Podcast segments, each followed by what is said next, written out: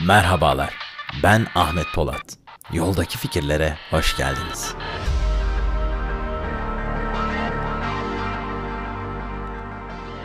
Bugünkü konumuz başlamadan olmuyor. Başlamak gerçekten bitirmenin yarısı mıdır? Başlamadıkça neler kaybediyoruz? Nereden başlamalıyız? Ve nasıl başlamalıyız? Başarmak ile başlamak arasında nasıl bir ilişki var? Gelin bu soruları yanıtlamaya çalışalım. O halde yoldaki fikirler başlasın.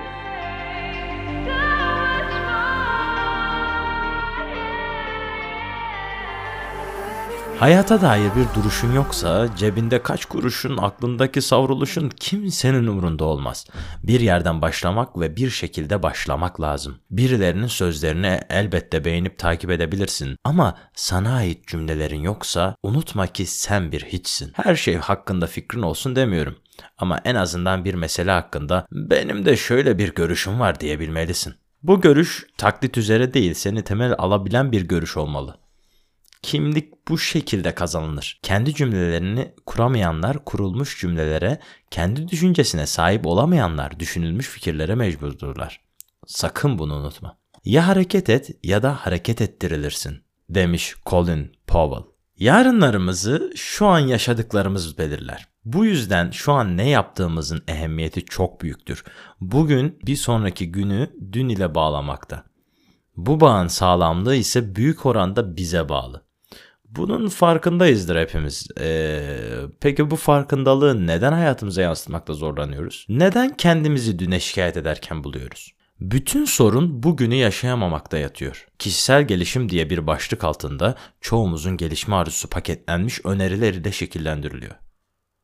Halbuki bu durumun yanlışlığı ne kadar da bariz. Şunları şu şekilde yaparsanız şöyle olur gibi genel ifadelerle ancak durumumuzdan şikayet edecek bilince erişmiş oluyorsunuz.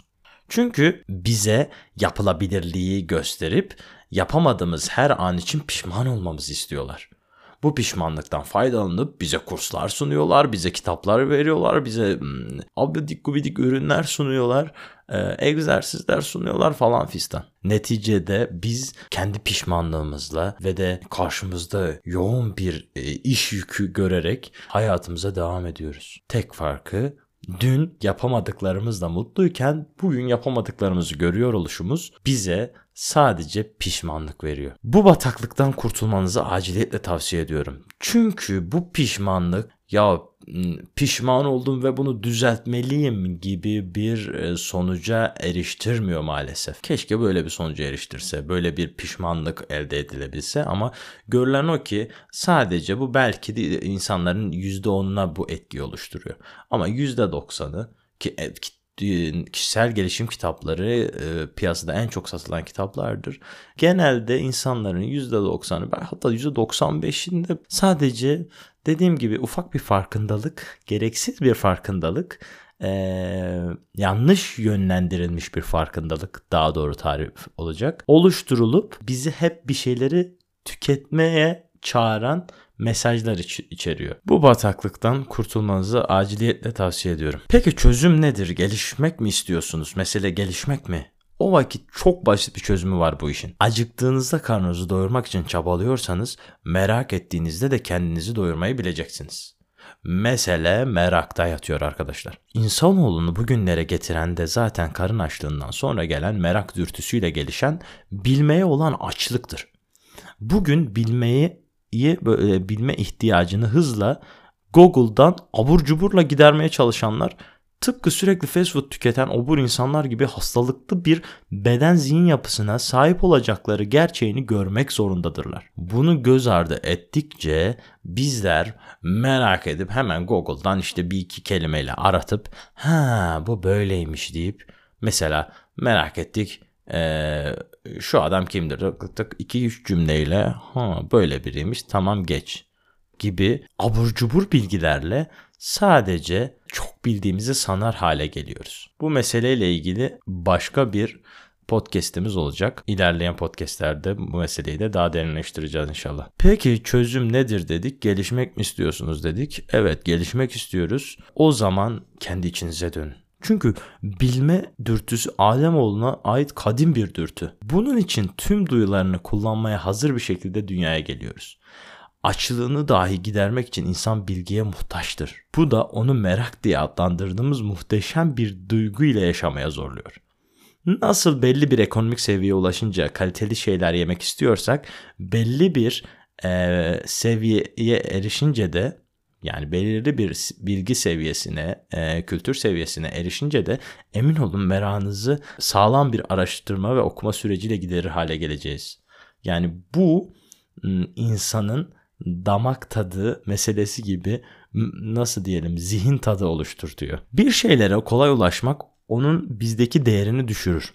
Bu yüzden kolay yollarla biliyorum demenin e, bilmek üzerindeki değer kaybını arttırdığını göz ardı etmemeli ve meramızı e, meramız doğrultusunda okumalı ve araştırmalıyız. İnanın ki bugün bir şey merak ediyorsak üzerinde araştırma yapabileceğimiz çokça kaynak mevcut. Zaten bu çokluk yüzünden bizler kolaya e, kolaya kaçıp diyoruz ki evet işte Google'dan bir iki araştırmayla e, hat, hatta çoğumuz siteleri girmiyoruz bile. İşte Google'daki o Wikipedia'nın sağ tarafta kısa bilgileriyle e, hemen meseleyi çözmeye çalışıyoruz. Veyahut da şu nedir diye yazdığımızda Google kısa şekilde e, siteler içerisinde bizim karşımıza o, o meseleyi tanımlayacak birkaç cümle sunuyor. Onunla gideriyoruz falan filan. Biz bu meseleyi çözmek istiyorsak meramız doğrultusunda okumalıyız ve araştırmalıyız. İnanın ki araştırma yaptıkça karşımıza kaliteli kaynaklar ve bu meseleyi nereden okumamız gerektiğine yönelik kaynaklar çıkacaktır. İnsan muhakkak birçok şeyi merak eder. Merak dürtüsü onu besledikçe de çeşitlenir. Bugününden şikayet etmemek adına okumaya başlamak zorundasın. Okumadığın veya öğrenmediğin her bir gün önceki güne göre ziyandasın. Evet, mesele açık. Okumadığımız gün bir önceki güne göre ziyanda oluyoruz. Okumaktan kastım öğrenmek, tecrübe etmek. Eyvallah buna bu da hayatı okumaya dahildir. Ama bizler her şeyi tecrübe edebilecek e, güçte ve her şeyi tecrübe edebilecek zamana sahip değiliz. Bunu göz ardı etmemeli ve de yazılmış onlarca satır, milyonlarca kitap niçin duruyor diye düşünmeliyiz. Eğer böyle düşünmezsek hayatta başlayamaz ve neticede başarıya giden yolda hep mutsuzlukla sonuçlanan neticeler elde ederiz. Zaten başarı meselesi amaç değil e, biz böyle okudukça e, eriştiğimiz e, işte amacımız doğrultusunda, meramız doğrultusunda ilerledikçe eriştiğimiz bir neticedir. Bunu Gustav Flaubert de destekliyor beni. Başarı bir neticedir, bir amaç değildir demiş Flaubert. Başarısızlıklarımızı genellikle hep bir bahanenin ardına gizler ve de neticesinde hayıflanır dururuz. Yine Gustav Flaubert'in bir sözünü sizlerle paylaşmak istiyorum. Başarısız insanların yollarındaki taşlar başarılı olanlar için birer basamak. Yani birilerinin bahane gösterdiği meseleler aslında başarılı olanlar için birer basamağa dönüşüyor. Bizler bahanelerimizi basamaklara dönüştürdüğümüz üzere yani mesela bugünkü konuştuğumuz esas mesele başlamadan olmuyor. Başlamadıkça başlayabilenlerin hep ardından sadece e, kötüleyerek, onları kötüleyerek bakarız. Zaten Cemil Sena Ongun da bu meseleyi şöyle anlatıyor. Hayatlarında hiçbir başarı gösteremeyenler kendilerini başkalarının başarılarını küçültmekle teselli ederler. Cemil Ongun meseleyi böyle ele almış. Ben ona ek olarak şunu da söylemek istiyorum. Neden küçültmek istiyorlar? Niçin böyle bir teselli içerisine giriyorlar? Çünkü insanlar erişemediği zaman işte kedi ulaşamadığı yere murdar diyerek kendi seviyesine çekmeye çabalıyor. Bu da insanda o anki sarf edeceği enerjiyi başka alanda işte tembellik ederek harcaması, vicdanını rahatlatmasına sağlıyor özünde. Neticede başlamadığımız gün, merak etmediğimiz gün her zaman ete öteledikçe, okumadıkça, düşünmedikçe bizler başta da söylediğim gibi kendi cümlelerini kuramayanlar kurulmuş cümlelere, kendi düşüncesine sahip olamayanlar düşünülmüş fikirlere mecbur oluyorlar. Mecbur kalacağımız fikirlere, mecbur kalacağımız başkalarının cümlelerine hayatımızı dayarsak neticede bizim istediğimiz hayatı yaşayamıyoruz. Ya neden böyle oluyor? Ben böyle şeyler istememiştim gibi cümleler sarf edip hayıflanıp dururuz. Bu hayıflanma da bize beraberinde tabii ki kaygı getirir. Albert Hobband'ın bir sözü var. Kaygının tedavisi hareket halinde olmaktır. Yani neticede boş durdukça, meşguliyet halinde olmadıkça kaygılanırız, sürekli üzerimize stres biner, sürekli sürekli bir mutsuzluk halini yaşarız. Neticede ziyanda olanlardan oluruz.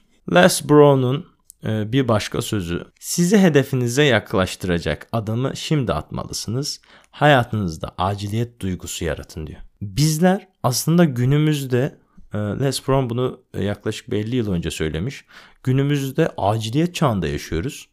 Ama bu aciliyetimizi belirli bir amaca yönelik gerçekleştirmiyoruz. Biraz dikkatli baktığınız zaman hayatın koşturmacası denilen o hani klasik kavram var ya, klasik cümleler. Hayatın koşturmacasında akan nehirde sürüklenip gidiyoruz. Ve de bunu biz aciliyet sanıyoruz. O nehirde tersine yüzüp kıyıya varma çabasında olursak asıl aciliyeti biz oluşturmuş oluruz. Evet. Peki nereden başlamalıyım?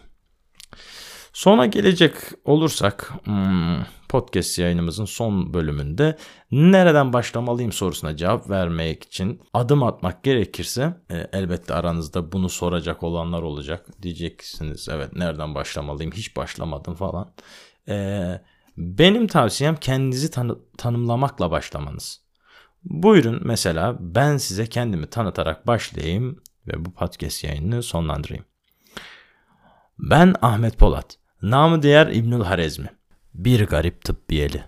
Hayata başlamak için çabalayan bir talebe. Ciddi bir okur yazar ve 20'li yaşlarındayım. Bir sürü saçma sapan dertle uğraşan yüce ideallere sahip bir gencim. Hobi olarak fotoğraf pozlar, sonrasında onları yazdığım yazılarımla blogumda paylaşırım. Kitaplar benim vazgeçilmez dostlarım. İnsana dair olan her şey ilgimi çekme ihtimali taşır. Bu yüzden sosyoloji ve psikoloji ile ilgiliyimdir. Kelimelerle aram iyidir. Etimoloji ile bu sebepten ahbap sayılırım. Küçüklüğümden beri bir şeyleri tanımlamayı severim. Hayata kendi tanımlarımla bakar, başkalarındakinden de feyz alırım. Aslında insanım, özümde insanım. Bir garip insanım. Çokça hata yapar, sonra unuturum. Kendimin pek farkında değilim ama yavaş yavaş fark ediyorum.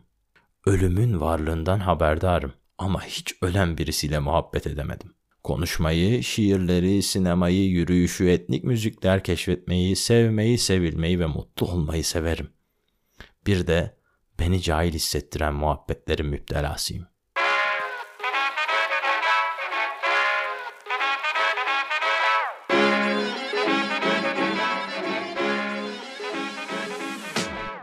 Yoldaki fikirlerden de bu haftalık bu kadar. Önümüzdeki hafta veya da bir sonraki hafta yeniden görüşmek, yeniden buluşmak, yolda aklımıza gelen fikirleri derinleştirmek üzere. Selametle kalın, hoşçakalın.